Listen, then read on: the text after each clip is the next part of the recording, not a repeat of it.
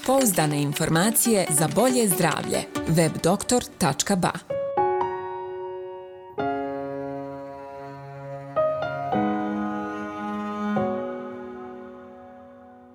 Pozdrav svima, dobrodošli u novu epizodu podcasta Anamneza.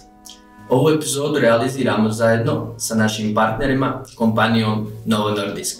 Ukoliko želite da nas pratite na nekim drugim mrežama kao što su Spotify, Patreon i ostalo, to možete učiniti klikom na link koji se nalazi u opisu ove emisije, a ukoliko nas želite podržati, to možete učiniti i preko Paypala, a link koji vam se nalaze u opisu emisije. Danas govorimo o nečemu što je izuzetno rašireno, što je izuzetno prisutno. Vjerujemo da barem poznajete jednu osobu koja nažalost boluje od šećerne bolesti, odnosno diabetes mellitusa.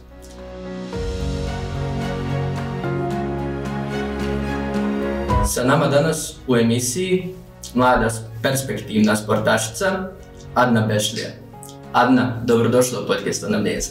Hvala, hvala vam na pozivu i bolje vas našli. Da li nam se možeš evo za početak malo više predstaviti kako bi te naši gledalci malo bolje upoznali? E, Ja sam Adna Bešlja, imam 23 godine, student sam Fakulteta sporta i tjelesnog odgoja Univerziteta u Sarajevu, trenutno sam na e, master studiju. E, Bavim se odbojkom već duži niz godina, trenutno sam trener u odbojkaškom klubu Vogošća, e, trener sam skijanja i trener plivanja i aktivni planinar, ako mogu tako da kažem. A u suštini ti si, pored svega toga, i diabetičar. E, Da, diabetičar sam već e, 11 godina, znači imam diabetes od svoje 13. godine. Evo za početak, koliko je diabetes kao bolest, a svi znamo da zaista utiče na svakodnevnicu, koliko je uticao na tvoju svakodnevnicu? Pa na moju svakodnevnicu je utjecalo zaista pozitivno, jer e, sam diabetes koliko on bio e, bolest, e, doprinosi nam mnogo toga dobroga i tjera nas da se hranimo zdravo i da budemo fizički aktivni. I upravo to je moje sljedeće nekako pitanje. Svjesni smo i kao budući doktori, mladi ljekari, da je Uh, izuzetno bitan taj uh, akcenat na ishrani kada ste diabetičar. A, eh, kako si ti to prilagodila, odnosno kako si ti oblikovala svoje prehrambene navike, kako se može sjetiti od postavljanja dijagnoze pa do dan danas? Pa iskreno da vam kažem, prije otkrivanja diabetesa sam zahranila kao i svi, ono, kasni doručak, nešto uspoću da pojedim, grickalice, tako da moj, e, moje prehrane, prehrane navike nisu bile toliko baš e, zdrave kao što su sada. Mogu da kažem da su sada e, mnogo zdravije, da se mnogo kvalitetnije hranim nego prije. U početku je zaista bilo teško se navići na redovne obroke, da moram jesti samo određeno vrijeme, da ne mogu da jedem ništa između obroka. Čak i u početku to izgledalo da ne jedem ništa osim onoga što je zaista određeno i onako kako, kako je pisalo u knjigama, kako su doktori rekli. Međutim, vremenom kako se e, kako učimo djebecu, čitamo djebecu, to se uh, promijenilo i nije toliko striktno. Da, upravo tako nekako dijabetes je postao bolest koja, sa kojom ljudi ovaj, e, izuzetno a, mogu da vode kvalitetan život ukoliko je drže pod kontrolom. A, da li ti imaš neke svoje sobstvene metode, ajmo je tako nazvati, a, iskustvene metode a, kojima kontrolišeš ili znaš barem ovaj, kako, kako, kako se mijenjaju stvari tijekom dana, odnosno na koji način ti držiš kontrolu nad šećernom bolešću? Znači ono što je bitno jeste da pored tog e, niskog šećera, to jeste hipoglikemije, visokog šećera, hiperglikemije, kada osjetimo mi podrtavanje, e, malaksalost, umor, žiž, da osjetimo e, naše trenutno stanje kada je zaista dobar šećer. Potrebno je da živimo sa, sa dijabetesom i da ne dopustimo da on upravlja našim organizmom kako on želi. Jednostavno da se prilagodimo tom stanju i da na svojoj koži osjetimo koliki je naš šećer. Da znamo uvijek E, šta smo pojeli, koliko smo pojeli, da li ćemo biti aktivni prije ili nakon tog obroka i da znamo e, otprilike uvijek e, koliko je naš nivo šećera u krvi, bez da mi to mjerimo. E, ono što mi isto zanima, vjerovatno ovaj, da, da to možeš izdvojiti, a, iako je zaista mnogo izazova sa kojima se osoba oboljela od dijabetesa susreće kroz život, a, da li možeš izdvojiti jedan konkretan u tvom primjeru koji je bio onako najteži za savladati, najteže za izboriti, a na kraju si opet uspjela da ga pobjediš? Pa svako u životu ima ispred sebe milion izazova, onaj, kako i svaka osoba odboljela od diabetesa. Smatram da nekako za mene najveći izazov jeste bio da ostanem uh, ustrajna i, i, i dosljedja od toga da želim da se hranim zdravo i da ne želim da diabetes mene pobjedi, da ne pobjedi uh, moj organizam, jednostavno da budem jača od njega. A pored toga, ono što meni predstavlja veliki izazov jeste da ustanem ujutru rano, stavim ruksak od par kilograma na leđe, da se popnem na neki vrh, iako znam da možda taj dan ću imati e, ću imat problema sa šećerom, da li će on biti visok, nizak, ali ono što jeste zaista veliki izazov da, da, da odim negdje svijedno što ja imam diabetes i da uspijem u tome da se popinim na jedan vrh bez ikakvih problema i da siđem s tog vrha također bez ikakvih problema.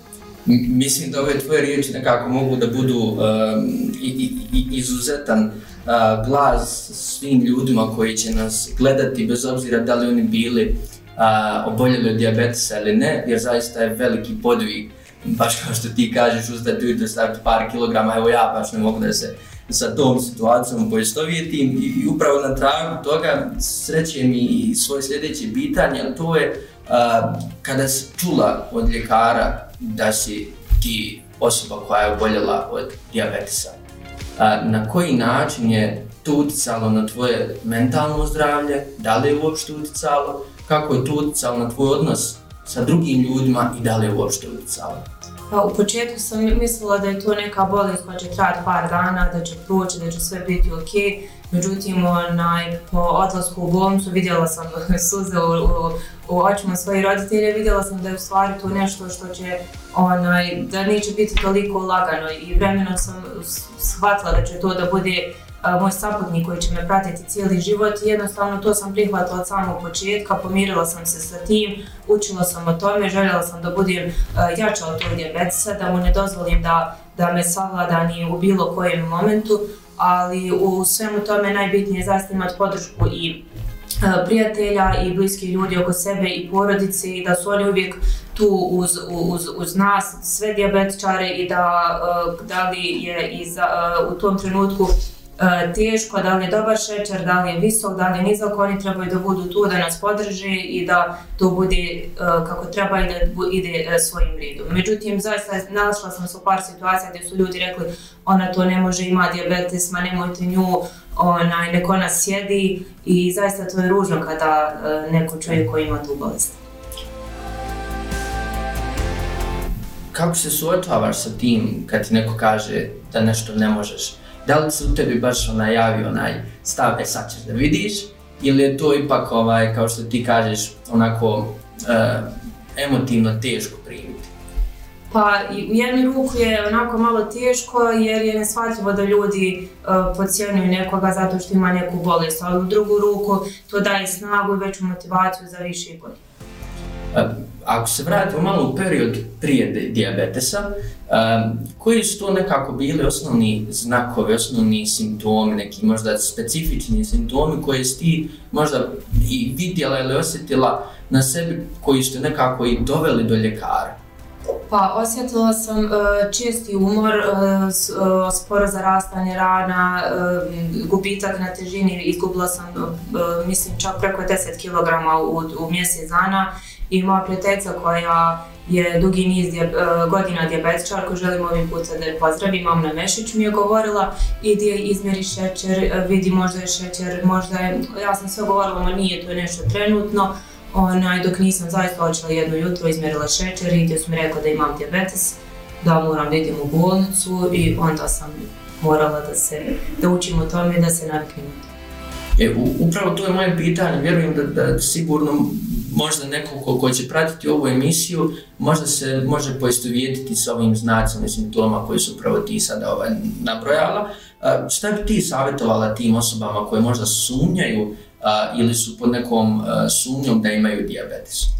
Pa diabetes često nazivaju tihi ubica, tako da svako ko osjeti bilo kakav simptom, uh, pored ovih koje sam nabrajala, e, su tu zamagljen vid, e, ne znam, suhoća kože, infekcija, tr, trnci u rukama ili stopalima, to su sve neki simptomi koji uh, pokazuju da osoba boli diabetes i ono što jeste moj savjet da zaista uh, ne govori da, da uh, sebi da to nije ništa, da odu do ljekara, da se posavjetuju, da izvade nalaze, da provjere svoje stanje, svoj organizam i da, e, da na vrijeme otkriju tu bolest prije nego što dođe do nekih komplikacija.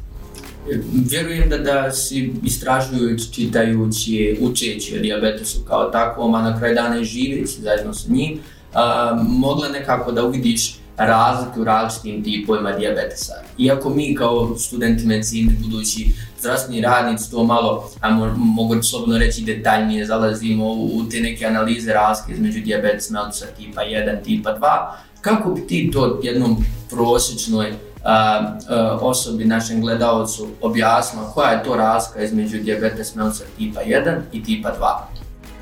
E, diabetes tipa 1 je većinom kod djece i omladini i on je u stvari e, gdje organizam nema svoga prirodnog inzulina, dok diabetes 2, tipa 2 je u stvari kod e, starijih osoba pretežno i gdje organizam ne reaguje na inzulin. Tako da u oba slučaja može da dođe do visokog nivoa šećera u krvi i do nekih komplikacija. Razlika je u tome što zaista postoje e, simptomi koje sam već e, navela i oni mogu da budu e, znači kod oba tipa, međutim ne osjeti se isto. Kod tipa 1 ti simptomi se mogu da osjeti čak kroz par dana ili kroz sedmicu, dok kroz tipa 2 oni mogu da traju uh, po nekoliko godina, mjeseci i tek da se osjeti kada dođe do neke komplikacije. Znači da osoba ta ne osjeti nikakav simptom dok se ne desi neki problem.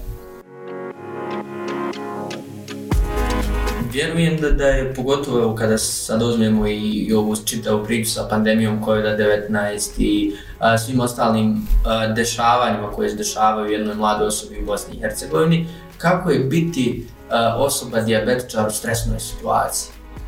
Pa zaista je teško to jer e, koliko god se nekad trudimo da jedemo pravilno, da smo fizički aktivni, da sve radimo kako treba, e, bilo koja doza e, stresa uzrokuje visok nivo šećera u krvi i to ne možemo da kontrolišemo. On skoči, onda problem je kako spustiti taj šećer, kako ga vratiti u normalu i zaista bilo koji nivo stresa, bilo kakvoj situaciji uzrokuje visok nivo šećera u krvi. To jeste hiperglikemija. Tako je, to je upravo nešto što i mi nazivamo stresna hiperglikemija, a s druge strane, pretpostavljam, a, s obzirom da, da znam da si članica udruženja diabetičara u Bosni i Hercegovini, da nekako i vi razmjenjujete iskustva između sebe, a, da li se upoznate kako se drugi, a, druge tvoje kolege i kolegice nose sa, sa istom bolešću? Pa imam, mi uh, iz udruženja imamo Viber grupu koje, uh, u kojoj zaista uh, dolazi dnevno stotine poruka i ne samo problema koji se susreću, već i uh, stotine savjeta gdje oni šalju putem želim da pozdravim sve te ljude i roditelje i djecu i zaista tu je uh, mnogo problema. Zna se nekada desiti jednostavno da uh, pojede neko dijete nešto što ne bi trebalo da digne šećera, a njemu šećer skoči dođe do visokog nivoa šećera u krvi, onda je tu hiljadu pitanja zašto, zbog čega, šta se desilo. Jednostavno to su uh, hormoni organizmu koji ne mogu da se kontrolišu, jednostavno dođe do tog odskoka nivoa šećera u krvi. Na početku smo nekako se dotakli to, toga e, kako je to kada neko kaže e, osobi koja ima diabetes da nešto ne može. E upravo to je na tragu toga je moje sljedeće pitanje, a to je šta osobe koje e, nemaju diabetes e, trebaju da znaju o osobama koji su diabetičari. Šta je to ključno uh, što bi jedna osoba trebala da zna, pa čak i nekim ono, um, rizičnim situacijama kako pomoći osobi, evo po tvojom nekom iskustvu. Pa trebaju jednostavno da znaju da su diabetičari e, osobe Eh, kao što su i osobe koje nemaju diabetes, znači da se ne razlikuju ni, ni po čemu drugom, osim po tome što eh, trebaju da jedu zdravo i da mjeri šećer na vrijeme i da daju inzulin. I ono što želim da kažem jeste da je velika zabluda kada ljudi kažu da osobe odboljela djebeca ne mogu nešto i oni e, imaju djebec, ne smiju da jedu slatko. E, to nije tako jer e, osobe od diabetesa, kao pa oboljela djebeca mogu zaista da jedu sve samo u određenim količinama i u, u pravo vrijeme.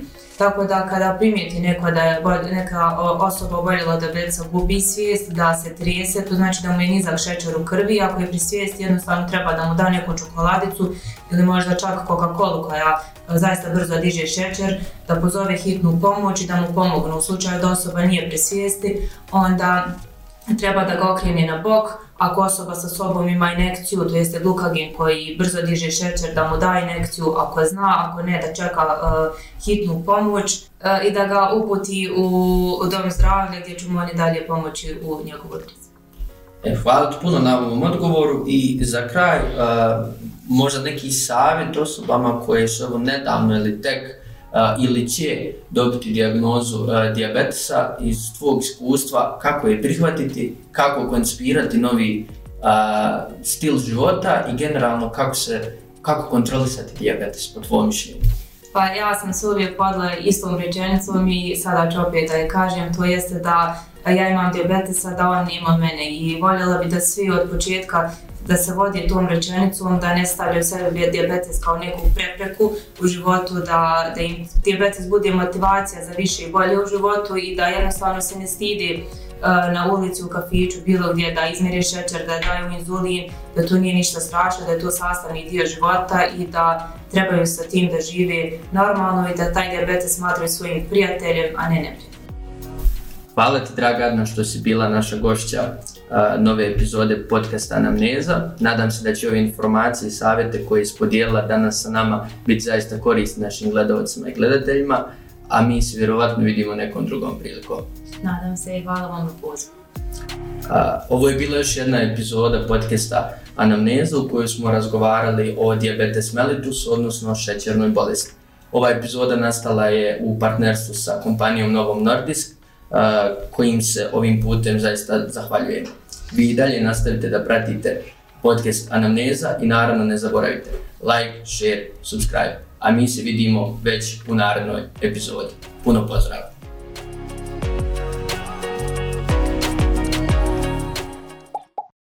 Pouzdane informacije za bolje zdravlje. webdoktor.ba